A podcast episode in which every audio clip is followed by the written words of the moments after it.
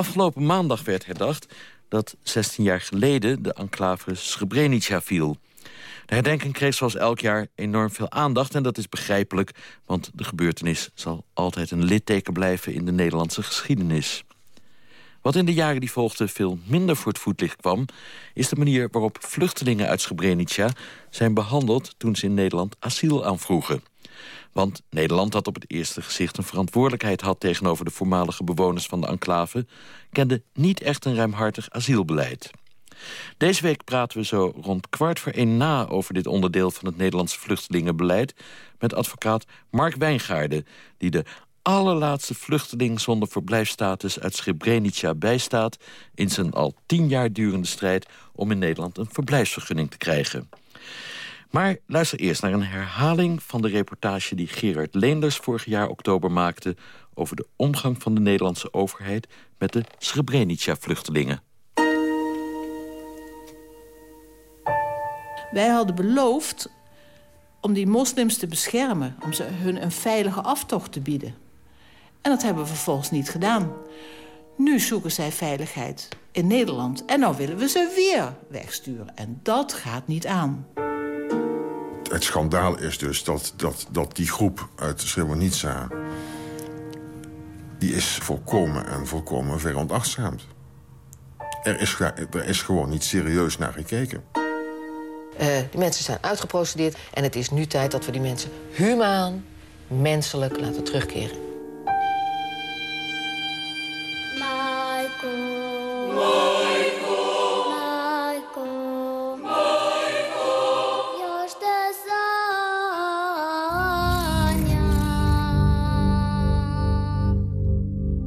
Enclave Srebrenica staat op vallen. Wij weten niet precies wat de oogmerken van de Bosnische Serviërs zijn.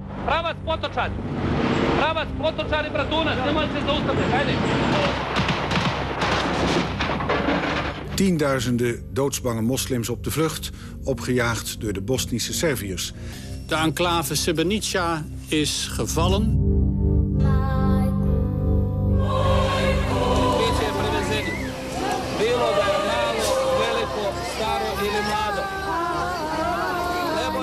...11 juli 1995 was ik in Srebrenica met mijn familie. Die dag werd Srebrenica bezet door Servische extremisten. Mijn moeder, zusje en twee jongere broers zijn naar Potocari gegaan... waar de VN-basis was. Mijn vader en ik probeerden via de bossen Tuzla te bereiken. Ik heb zoveel doden en gewonden gezien... dat ik nu niet het exacte aantal kan vertellen. Ik heb getracht naar Srebrenica terug te keren en vonden daar slechterikke misdadigers, terroristen en bandieten die mij uit het dorp verjaagd hebben. Ik ben naar Nederland gekomen om hulp te zoeken en zij hebben mij niet geloofd.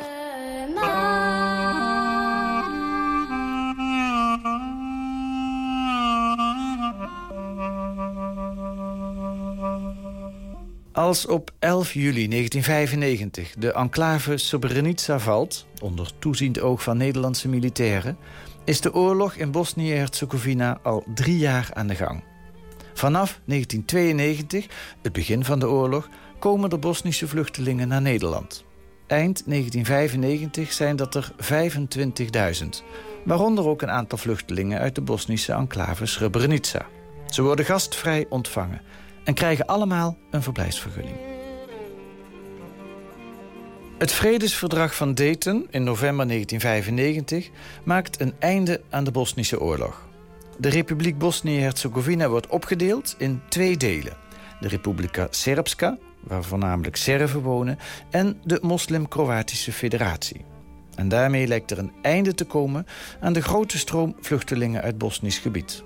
Al snel wordt ook het Nederlandse asielbeleid daarop aangepast. Op 1 december tien dagen na het bereiken van het Dayton-akkoord... schrijft de toenmalige staatssecretaris van Justitie, mevrouw Schmitz, aan de Tweede Kamer... In verband met de gewijzigde situatie heb ik besloten geen A-statussen te verlenen aan Bosniërs. Op den duur zal moeten worden overgegaan tot gedwongen terugkeer. Bosniërs worden voortaan dus niet meer automatisch als vluchteling erkend. Dit beleid zal in de jaren daarna voor vluchtelingen uit de enclave Srebrenica voor veel onduidelijkheid zorgen. Want aan de andere kant voelt Nederland zich wel op een speciale manier met het lot van de slachtoffers van Srebrenica verbonden. Vanwege de medeverantwoordelijkheid die ons land draagt bij de val van de moslim-enclave. Minister-president Kok op 16 april 2002. Nederland neemt nadrukkelijk niet de schuld op zich voor de gruwelijke moord op duizenden Bosnische moslims in 1995. Wel wordt op deze wijze de politieke medeverantwoordelijkheid van Nederland... voor de situatie waarin dit kon gebeuren, zichtbaar gemaakt. De overlevenden gaan getekend door het leven. Hun trauma's en de pijn van het gemis van dierbaren... zullen nog lang, heel lang, in alle scherpte voelbaar blijven. Het zijn zwarte bladzijden in een boek dat in zekere zin nooit dichtgaat. Maar hebben wij die verantwoordelijkheid tegenover de vluchtelingen uit Srebrenica wel op ons genomen de afgelopen 16 jaar? Er was tot 2001 geen specifiek beleid voor asielzoekers, vluchtelingen uit Srebrenica. Uh, het waren Bosniërs, dus ze vielen gewoon onder het algemene Bosnië-beleid. Jan Willem de Haan uit Rotterdam. Hij is advocaat, gespecialiseerd in asiel- en vreemdelingenzaken. In de holle ontvangstruimte van zijn advocatenkantoor in Rotterdam... vertelt hij over zijn eerste contact met Srebrenica-vluchtelingen. Dat is in het einde van 98, begin van 99 geweest. Toen kwamen er opeens ja, vrij veel mensen uh, die in Srebrenica hadden gezeten... tot en met juli 95. En achteraf bezien, dat was ook het begin van de periode... dat in Bosnië, in het zogenaamde veilige gebied van Bosnië... die mensen werden gedwongen om ja, terug te keren naar de gebieden waar ze vandaan kwamen. Srebrenica, stad of de omgeving. Dus die, die, die mensen die, die, die zijn, degene die het overleefd hebben... in eerste instantie in het kanton Tuzla, zeg maar de provincie Tuzla... het veilige gebied terechtgekomen...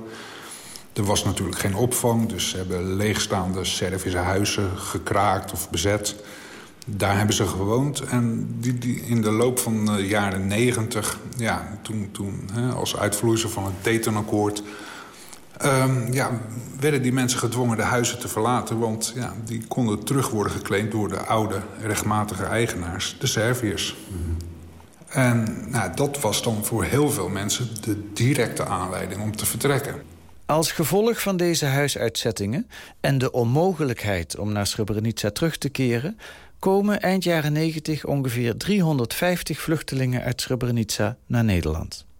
Daar worden ze ondervraagd door de IND, de Immigratie- en Naturalisatiedienst. Het eerste wat de mensen te horen kregen als ze een, uh, hun interview wilden doen... was van, u hoeft niet te vertellen over de oorlog... want we weten wat er allemaal is gebeurd. Dus uh, daar gaan we het niet meer over hebben, over die oorlog. We willen het alleen nog maar hebben over de directe reden van vertrek. Nou ja, wat was voor veel mensen de trigger, de directe reden om te vertrekken... dat ze die bezette Servische huizen uh, ja, werden uitgeschopt... en terug moesten naar Srebrenica, de stad. Dan, dan kom je dus al heel snel in een ja, puur economisch verhaal terecht. Want ja, dat is dan een huisvestingsprobleem, zoals dat werd genoemd. Nou ja, dat wordt uh, op basis van het vluchtelingenverdrag niet uh, als een ja, goede reden voor vluchtelingschap aangenomen. Dus om die reden werden de mensen stuk voor stuk afgewezen.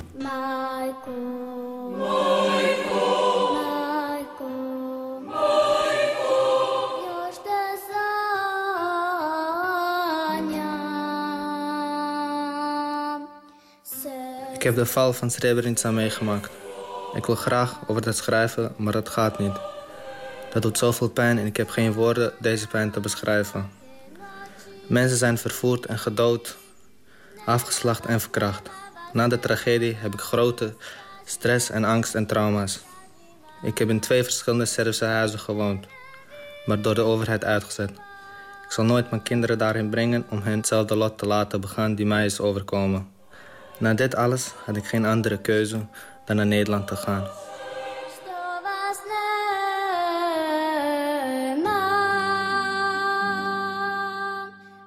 De gevluchte moslims, die de trauma's van de hel van juli 1995 nog dagelijks met zich meedragen, kunnen ook geen beroep doen op het zogenaamde traumatabeleid. Want daarin staat dat de betrokken asielzoeker binnen zes maanden na deze gebeurtenissen het land van herkomst dient te hebben verlaten.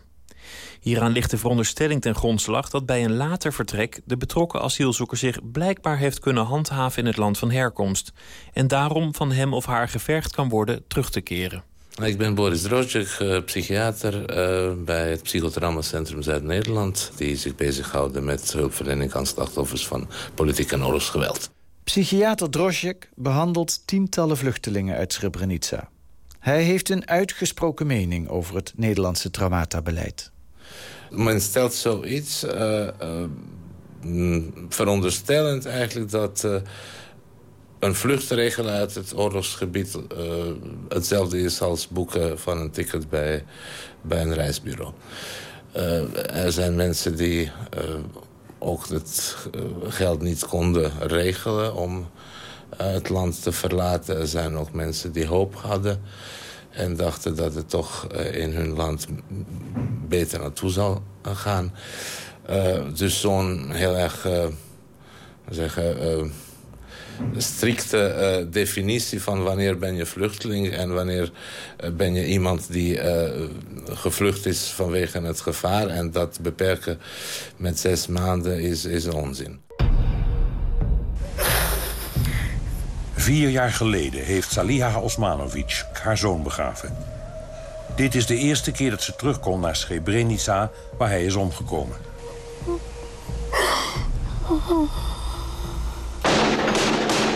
juli 1995. Vijf dagen nadat de zoon van Salia Osmanovic werd omgebracht... viel de Oost-Bosnische moslimstad Srebrenica... in handen van het Bosnisch-Servische leger. Het eerste door de Verenigde Naties gewaarborgde veilige gebied... werd het toneel van het ergste bloedbad in Europa sinds de Tweede Wereldoorlog. Zo begint de film A Cry from the Grave. Een NPS-BBC-documentaire over de gebeurtenissen in Srebrenica... die in december 1999 op de Nederlandse televisie wordt uitgezonden. Dat was een zogenaamd momentum om voor die groep extra aandacht te vragen. Aandacht die zich vooral richt op de bijzondere verantwoordelijkheid... die Nederland heeft tegenover de Srebrenica-vluchtelingen. Het besef van de dreigende uitzetting van deze groep... door het tweede kabinet Kok gaat veel partijen te ver. In februari 2000 eisen ze van staatssecretaris Job Cohen maatregelen. En met succes. Het kabinet besluit op 18 februari 2000 om voor de ongeveer 350 asielzoekers uit de moslimenclave een uitzondering op het asielbeleid te maken. Vier dagen later formuleert Cohen het in een brief aan de Tweede Kamer aldus. Aan hen zal een vergunning tot verblijf worden verleend wegens klemmende redenen van humanitaire aard. Betrokkenen dienen voor 18 februari 2000 een asielaanvraag te hebben ingediend.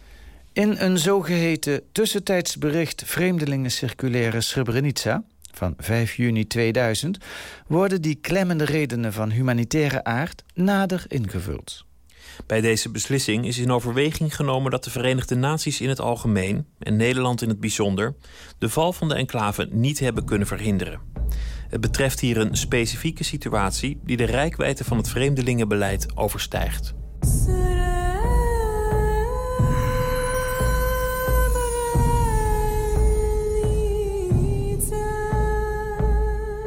Een half jaar na het Cohen-pardon komt er een tweede groep Srebrenica-vluchtelingen naar Nederland. De zogeheten late vluchtelingen.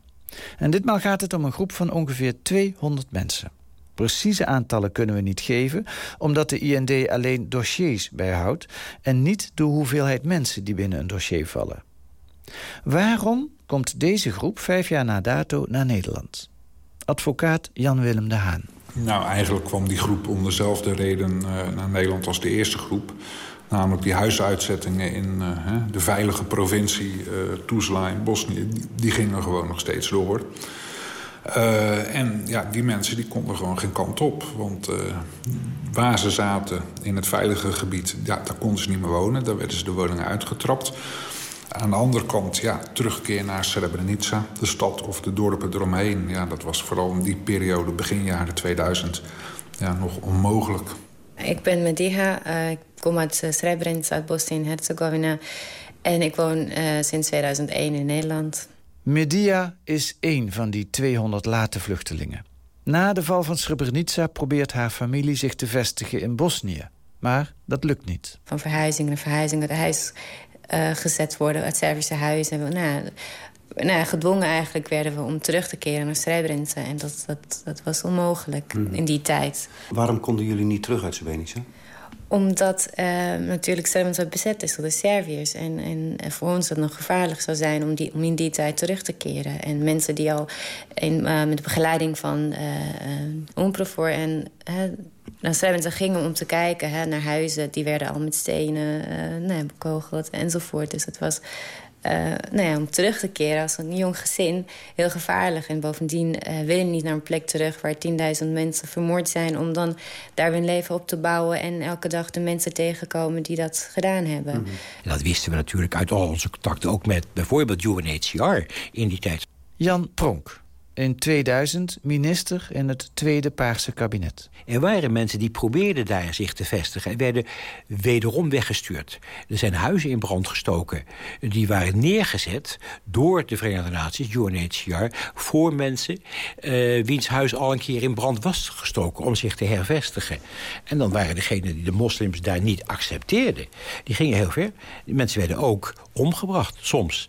Wat er in 2000 gebeurde had direct te maken met het jaar 1995. Dat was maar vijf jaar later. De tweede groep vluchtelingen valt niet meer onder het Cohen-pardon... omdat ze pas na 18 februari 2000 naar ons land zijn gekomen. Ook deze groep wordt behandeld als gewone asielzoekers. De ervaringen van 11 juli 1995 worden niet ter sprake gebracht. Media. Nee, nee dat, dat, daarvoor kregen we geen uh, kans. We mochten alleen vertellen of er recent iets uh, naar aanleiding is geweest of iets mhm. dergelijks. Dus totaal niet uh, over het verleden en aan de oorlog en de nasleep van de oorlog. Dus de gevolgen. daarvan. Waarom? Nou ja, over de oorlog weten we alles. Dus we hoeven niet van iedereen weer te horen wat er is gebeurd en wat iedereen heeft meegemaakt. En, dat zeiden ze? Ja, ja, dus wat er afgelopen jaar is gebeurd, dat mocht je vertellen, maar niet daarvoor. Het gevolg is dat deze nieuwe groep Srebrenica-vluchtelingen stuk voor stuk wordt afgewezen. De medeverantwoordelijkheid van de Nederlandse overheid voor de val van de moslim-enclave, dat bij het Cohen-pardon nog als argument wordt aangedragen, geldt niet meer. Wij hadden beloofd om die moslims te beschermen, om ze hun een veilige aftocht te bieden. En dat hebben we vervolgens niet gedaan. Nu zoeken zij veiligheid in Nederland. En nou willen we ze weer wegsturen. En dat gaat niet aan. Aldus Johanne van Woerkom. Zij maakt deel uit van een kleine groep Nederlanders... die zich het lot van de Srebrenica-vluchtelingen aantrekt. De groep tooit zich met de naam Politiek Comité Stari Most. Stari Most is de naam van de beroemde boogbrug... in de Bosnische stad Mostar... Een brug die altijd het symbool van verzoening en interetnische tolerantie in Bosnië is geweest.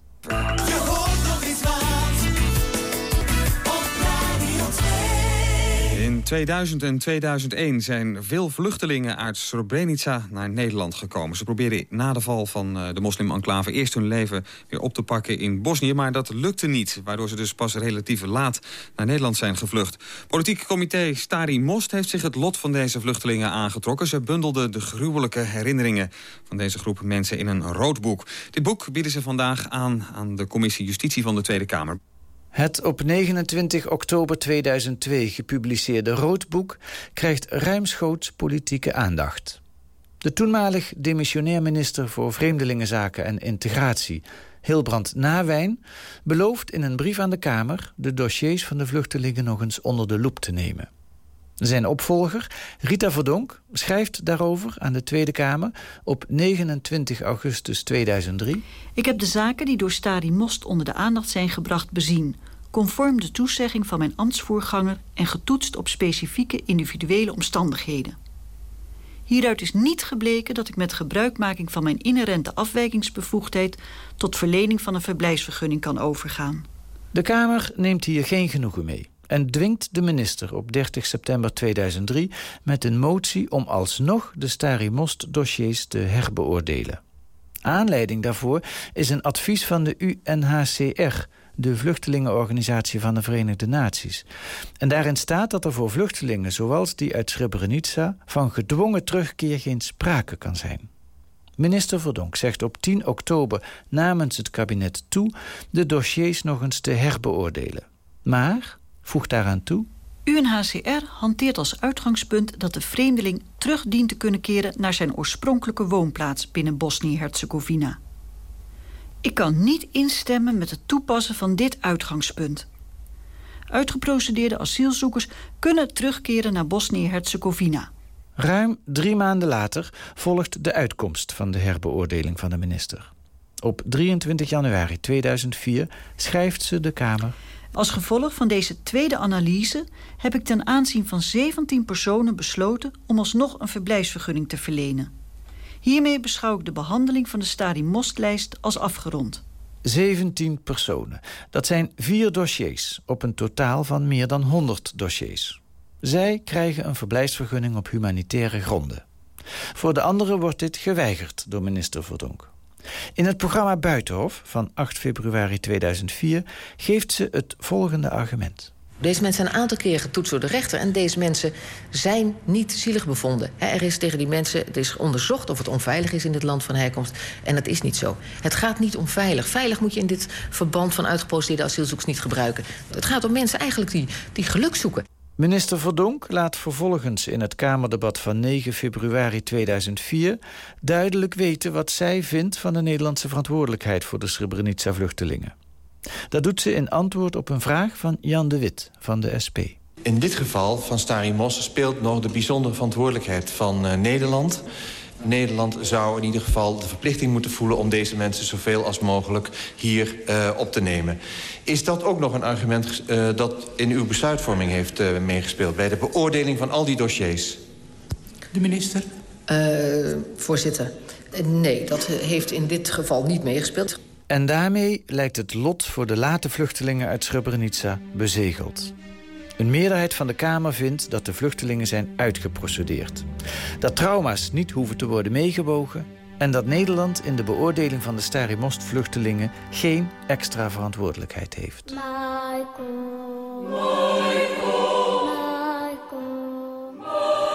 Op 11 juli was er grote paniek en verwarring onder de mensen. Ik heb alles gezien en gedacht dat wij nooit meer levend naar de hel van Srebrenica zouden komen. Ik zag heel veel mensen doodgaan. De grond kon het bloed niet meer verwerken. Ik liep op bloed alsof het water was. Alles wat wij hebben meegemaakt heeft diepe sporen achtergelaten. Slapeloze nachten heb ik nog steeds. Ik krijg therapie om mij te sussen. Samen met mijn broer ben ik sinds 2000 in Nederland en wachten wij op jullie hulp. Wij bedanken jullie bij voorbaat.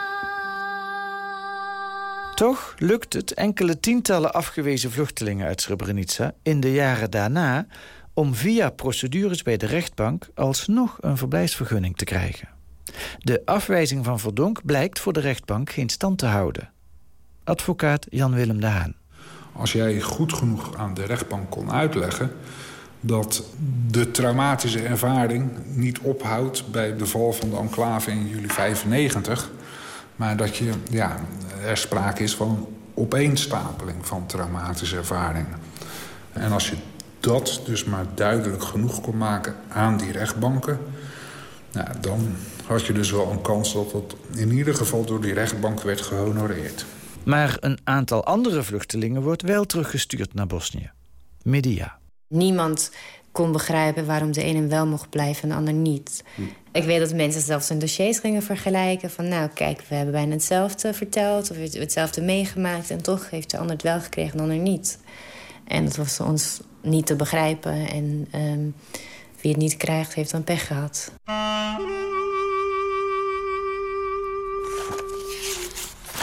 Waar bent u nou naar op zoek? Ik ben op zoek naar... Um, naar dat ambtelijke stuk waarin geconcludeerd wordt... Jurist Freek van Workum bladert in zijn uitgebreide dossiers. Door toevallige omstandigheden raakt hij betrokken bij het lot van deze vluchtelingen. Een uh, vriendin van mijn vrouw, die kende een, een Bosnische vrouw... een vrouw dus uit uh, Srebrenica. En uh, die zat in een procedure die helemaal vastgelopen was. En op zeker moment bereikte mij het verzoek... of ik eens naar dat dossier wilde, wilde kijken. Dat heb ik na heel lang aarzelen heb ik dat uiteindelijk gedaan.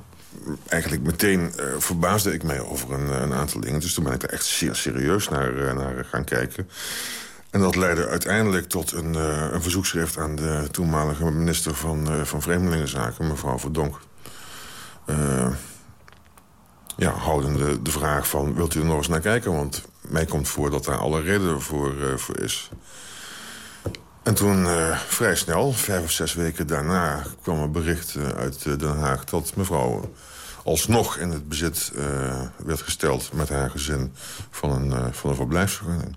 De conclusie van de IND die Van Workum in deze zaak te lezen krijgt... is opmerkelijk. Ik lees dat stukje denk ik maar even voor. Het is duidelijk dat het niet goed gaat met vooral de vrouw. Gelet op haar traumatisch verleden en overwegende dat haar asielaanvraag... misschien wel niet voldoende recht is gedaan... ligt nu als oplossing het verlenen van een verblijfs, verblijfsvergunning... conform beschikking minister voor. Een echte andere oplossing is er niet. Vooral dat die paar woorden... haar asielaanvraag is misschien wel niet voldoende recht gedaan dat is eigenlijk onvoorstelbaar. En daarna gingen de dingen snel, want, want ja, dat, dat, dat wordt dan gecommuniceerd met uh, andere vluchtelingen. En binnen twee weken had ik uh, alle andere vluchtelingen uit Srebrenica... Uh, aan de telefoon gehad of aan de deur gehad. Met steeds hetzelfde verzoek van wilt u ook naar mijn dossier kijken. En ook dat heb ik toen gedaan. Op basis van zijn bestudering van alle dossiers... schrijft Van Workum in 2006 het rapport Afrekenen met Srebrenica. Nijmeegs onderzoek kraakt Srebrenica-beleid. Goedenavond. Vluchtelingen uit Srebrenica zijn door de Nederlandse staat jarenlang geweerd... terwijl de Tweede Kamer was beloofd dat er een ruimhartig toelatingsbeleid zou komen. Dat concludeert de Nijmeegse onderzoeker Freek van Workum. Vanmorgen toog de Nijmeegse onderzoeker Freek van Workum naar Den Haag... om de stapels schrijnende verhalen te overhandigen. Wat hier gebeurd is, is zo vergaand. De procedures zijn zo onzorgvuldig geweest. Naar mijn indruk is ook de Kamer misleid. Ja, mij komt dan voor dat er wel consequenties haast zouden moeten zijn. Hij hoopt dat daarmee een einde komt aan de jarenlange onzekerheid... voor veel Bosnische gezinnen. Een fragment van Omroep Gelderland van 24 oktober 2006. In het rapport verwijt Van Workum de minister en de IND... de Immigratie- en Naturalisatiedienst, onzorgvuldig handelen. De IND heeft het drama dat in Srebrenica heeft plaatsgevonden... en de gevolgen daarvan niet of nauwelijks meegewogen... in de beoordeling van de asielaanvragen. Het schandaal is dus dat, dat, dat die groep uit Srebrenica... die is uh, na 2000 volkomen en volkomen veronachtzaamd er is, er is gewoon niet serieus naar gekeken. Het, het, enkele feit dat die mensen uit die regio afkomstig uh, waren... waarmee Nederland ja, een bijzondere band heeft... omdat we daar uh, soldaten hadden die toen die mensen niet konden beschermen. Daar is men volledig en volledig aan voorbij gegaan. Men kon weten, men behoorde te weten... dat die groep getraumatiseerd was. Dat die groep niet in staat was tot, tot, tot volledig verklaren. Men had die mensen moeten helpen. En dat is kwalijk. Dat is meer dan kwalijk. Verdonk verwerpt de bevindingen van Van Workum... in een brief aan de Kamer van 31 oktober 2006. En ze komt ook niet tegemoet aan de wens van de Kamer... om uitstel van uitzetting. Enerzijds omdat er sprake is geweest van een ruimhartig toelatingsbeleid... en anderzijds omdat de veiligheids- en mensenrechten situatie in Bosnië... een terugkeer niet in de weg staat. Ik zou betrokkenen onnodig in grote onzekerheid brengen... indien ik aan uw verzoek gehoor zou geven. Het zijn de laatste woorden van minister Verdonk... over de vluchtelingen uit Srebrenica. Advocaat De Haan. Men weigerde gewoon te erkennen, punt 1... dat, dat die zes maanden regeling, dat traumata-beleid... dat daar uh, ja, iets aan uh, schortte. Punt 2, men weigerde nog steeds... Uh, ja, echt expliciet te erkennen van... wij hebben een bijzondere band of verantwoordelijkheid voor die mensen. Mm -hmm. En ja, dat, dat is tot op het laatste moment voorgehouden.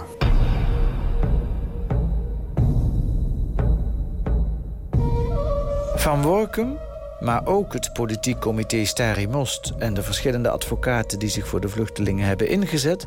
worden op 20 november 2006, drie weken na de verklaring van Verdonk... door de rechtbank in Rotterdam in het gelijk gesteld. De rechtbank concludeert dat wezenlijke informatie uit het dossier... niet is betrokken bij de beoordeling. Dat is een vernietigend vonnis. Dat, dat, dat, dat is ongelooflijk onzorgvuldig gewerkt. Naar het oordeel van de rechtbank. Overigens, uh, die, die, die, die uitspraak van de, van de rechtbank Rotterdam was zo sterk... en zo vernietigend... Uh, dat, dat de minister daar niet tegen in beroep is gegaan... bij de afdeling bestuursrecht van de Raad van State. Dat heeft ze wijselijk achterwege gelaten. Een soort schuldbekentenis. En dat zou ik willen zien als een soort van schuldbekentenis, ja. Bij het aantreden van het vierde kabinet Balkenende in 2007... staat in het regeerakkoord een generaal pardon voor 26.000 asielzoekers. Ook de mensen op de Starimost-lijst. Toch blijft er hierna nog een kleine restgroep Starimost-vluchtelingen over. Freek van Walkum. Dat waren mensen, dat was, dat was veruit de grootste groep... Uh, die naar Nederland kwamen na 1 april 2001. Mm -hmm. En dat pardon gold generaal pardon gold slechts voor, voor, voor mensen die voor 1 april 2001 naar Nederland uh, kwamen. En over hoeveel mensen hebben we het dan? Dat waren er ongeveer 20. 20 volwassenen. Uit brief van de staatssecretaris van Justitie aan de Tweede Kamer. 12 september 2007. In enkele zaken loopt er een onderzoek naar 1F-aspecten.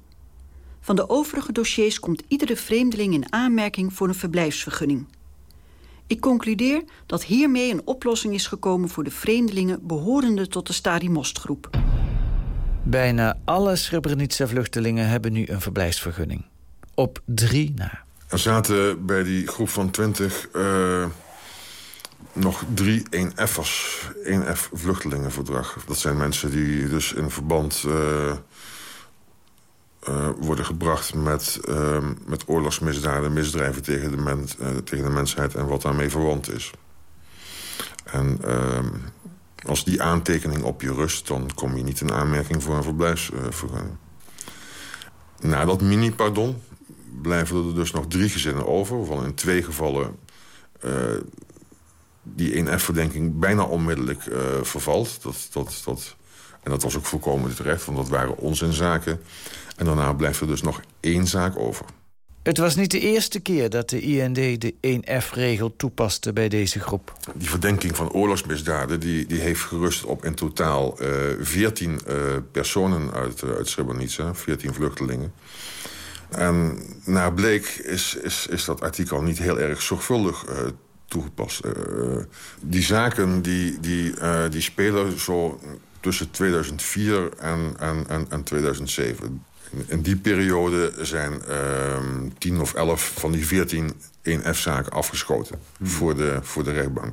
Of men kwam uit eigen beweging al tot de conclusie... dat er van de aanvankelijke veronderstellingen helemaal niks klopte. Dertien keer zijn Srebrenica-vluchtelingen ten onrechte beschuldigd van oorlogsmisdaden. Dat heeft de rechter of de IND zelf inmiddels vastgesteld. Het veertiende geval, de zaak S, stond in september vorig jaar voor de rechter. Zijn verzoek werd opnieuw afgewezen. Er is hoger beroep aangetekend. Bij de toepassing van 1F vluchtelingenverdrag wordt de grootst mogelijke terughoudendheid en zorgvuldigheid betracht. Als je dan toch concludeert tot 14 keer toepassen van 1F vluchtelingenverdrag en je zit er 13 en naar ik verwacht 14 keer naast, dan is dat uh, toch wel wat droevig. Dat wijst niet op zorgvuldigheid, naar mijn mening.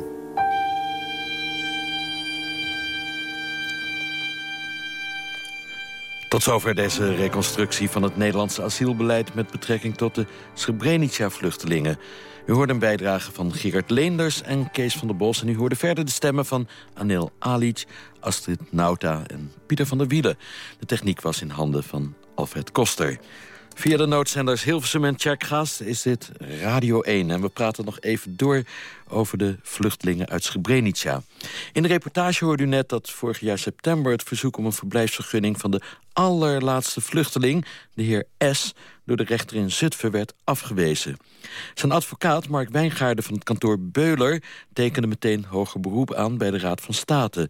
En Mark van Wijngaarden is nu aan de telefoon. Goedemiddag. Goedemiddag. U heeft vorig jaar september beroep aangetekend. En wat is het resultaat? Er is nog geen resultaat. De Oh. Raad van State heeft nog geen uitspraak gedaan. Duurt dat niet een beetje lang? Dat duurt heel erg lang, want volgens de wet moet de Raad van State binnen 23 weken uitspraak doen. En we zitten inmiddels al op eh, zeker 10 maanden. Wat kan daar dan achter zitten? Dat is, ehm, daar kom je nooit achter bij de Raad van State. Ik constateer wel dat de Raad van State zich steeds vaker niet aan deze wettelijke termijn houdt. Nou, laten we daar dan niet op ingaan, want dan eh, komen we dus niet achter. Laten we even op de zaak inhoudelijk ingaan. Meneer S. kwam begin deze eeuw naar Nederland, vroeg asiel aan. En wat liep er toen mis? Nou, wat er eigenlijk is misgelopen is dat hij bij zijn asielaanvraag ehm, eh, verteld heeft over Srebrenica.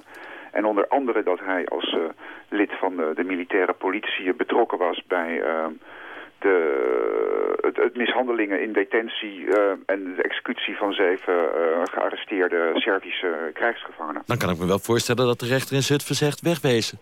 Als het waar is wat hij heeft verteld, wel ja. Maar dat is het denk ik niet. Want? Want er zijn door het ontsluiten van eh, het bewijsmateriaal van het Joegoslavië-tribunaal... is er heel veel bewijs vrijgekomen, echt hard bewijs... dat het verhaal van meneer S. helemaal niet kan kloppen. En welke bewijzen zijn dan vrijgekomen? Nou, onder andere zijn er lijsten vrijgekomen van, eh, van, wie er, eh, van wanneer de militaire politie... Aan, aan wie zeg maar, die executie is toegeschreven... wanneer de militaire politie is opgericht... en wie ervan hebben deel uitgemaakt. En het is duidelijk dat meneer S. dat niet was. Maar waarom heeft hij dat dan zelf verklaard? Dat is een goede vraag. Ehm, dat zou ik ook willen weten. Het probleem is alleen dat meneer S. zelf niet in staat is om daarover te praten. Meneer S. is zo zwaar eh, getraumatiseerd en ja, psychisch gewond kun je zeggen... dat hij eh, niet eens in staat is om te reizen. Laat staan om over deze traumatische gebeurtenissen te gaan verklaren en praten. Toch snap ik het niet helemaal. Eh, je gaat natuurlijk jezelf niet beschuldigen van iets wat niet waar is. Je gaat niet zeggen bij de IND... ik heb bij een militie gezeten en ik ben betrokken geweest bij executies als het niet zo is. Althans, je schiet jezelf dan wel heel erg in eigen voet. Nou, in de eerste plaats denk ik niet dat meneer ehm, S. zich bewust is geweest van het feit dat hij zichzelf beschuldigde. Ehm, in de tweede plaats, ja, het is op dit ogenblik zelfs voor zijn psychiater eh, moeilijk, zo niet onmogelijk, om ach- te achterhalen wat destijds zijn motieven waren.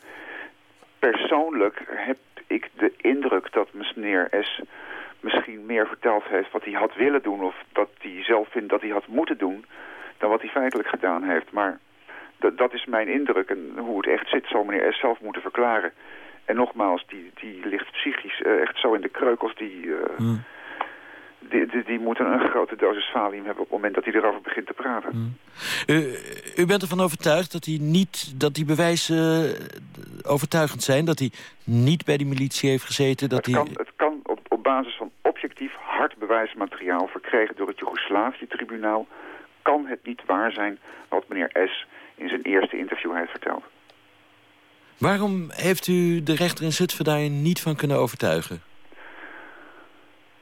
De rechter in Zutphen... ehm, nou, er, zijn twee problemen. Ehm, in de eerste plaats een probleem inherent aan het vreemdelingenrecht. Wat eenmaal door de rechter is vastgesteld, dat blijft in principe altijd de waarheid. Of het nu klopt of niet. Het tweede probleem is, ehm, en dat begrijp ik ook wel van de rechtbank in Zutphen...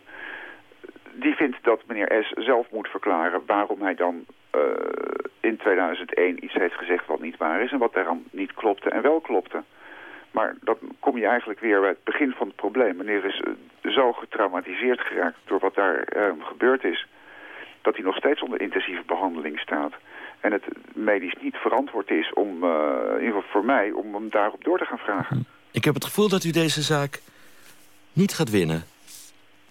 Ik zou hem moeten winnen. Daar ga ik vanuit.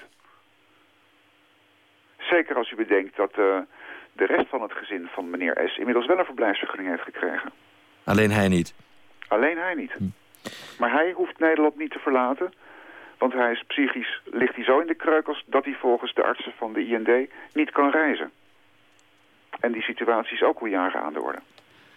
Wanneer hoopt u iets van de Raad van State te horen? Zo snel mogelijk. Ik dank u wel.